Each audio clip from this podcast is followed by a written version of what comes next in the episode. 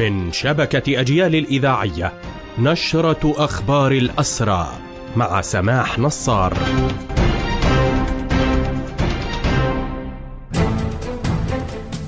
أهلا ومرحبا بكم إلى هذا اللقاء.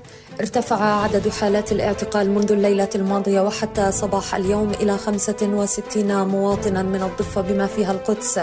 بينهم أسيرة سابقة هي ربع عاصي وفتاة لم تعرف هويتها.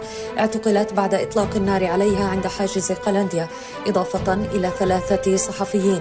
بذلك ترتفع حصيلة الاعتقالات التي سجلت بعد السابع من أكتوبر إلى نحو 2215 معتقلا. ومعتقلا. حملة الاعتقالات اليومية تترافق مع عمليات تنكيل تمارس ضد المعتقلين وعائلاتهم وتخريب متعمد لممتلكاتهم ومنازلهم.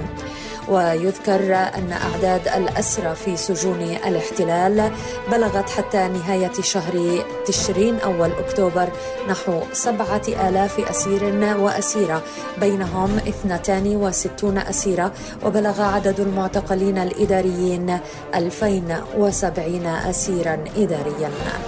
هذه المعطيات التي تنشر من هيئة شؤون الأسرة ونادي الأسير ومؤسسات الأسرة تشير إلى وجود أعداد أخرى من المعتقلين لم يتم إحصائهم خاصة الأسرى الذين تم اعتقالهم من غزة يوم السابع من أكتوبر إلى جانب عدد آخر من العمال لم يتم إحصائهم.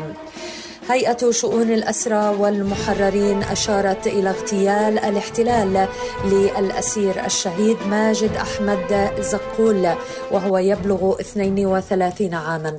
قالت هيئة الأسرى هو أحد العمال الذين جرى اعتقالهم بعد السابع من أكتوبر المنصرم.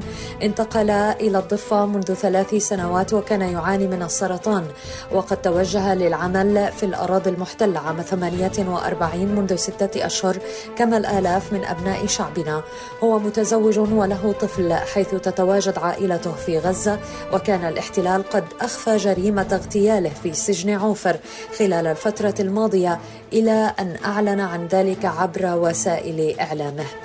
هيئة الأسرى قالت إن الاحتلال لم يكتفي باغتيال الشهيد ماجد زقول بل أخفى استشهاده ولم يعلن عنها وأشار إلى أنه وحتى هذه اللحظة هناك عدد آخر من العمال الذين يواجهون مخاطر الموت والاغتيال. وقالت هيئة الأسرى إن الاحتلال كان أعلن سابقا أيضا عن ارتقاء اثنين من العمال أحدهما في سجن عوفر والآخر في معسكر عنتوت ولم يكشف عن هويتيهما في حينه كما أنه وحتى هذه اللحظة لم يتسنى الكشف عن هوية الشهيد الثاني. بهذا مستمعينا تنتهي هذه النشرة الخاصة بأخبار الحركة الأسيرة. قدمناها لحضراتكم من راديو أجيال.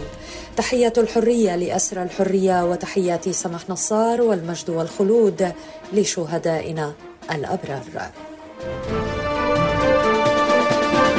thank you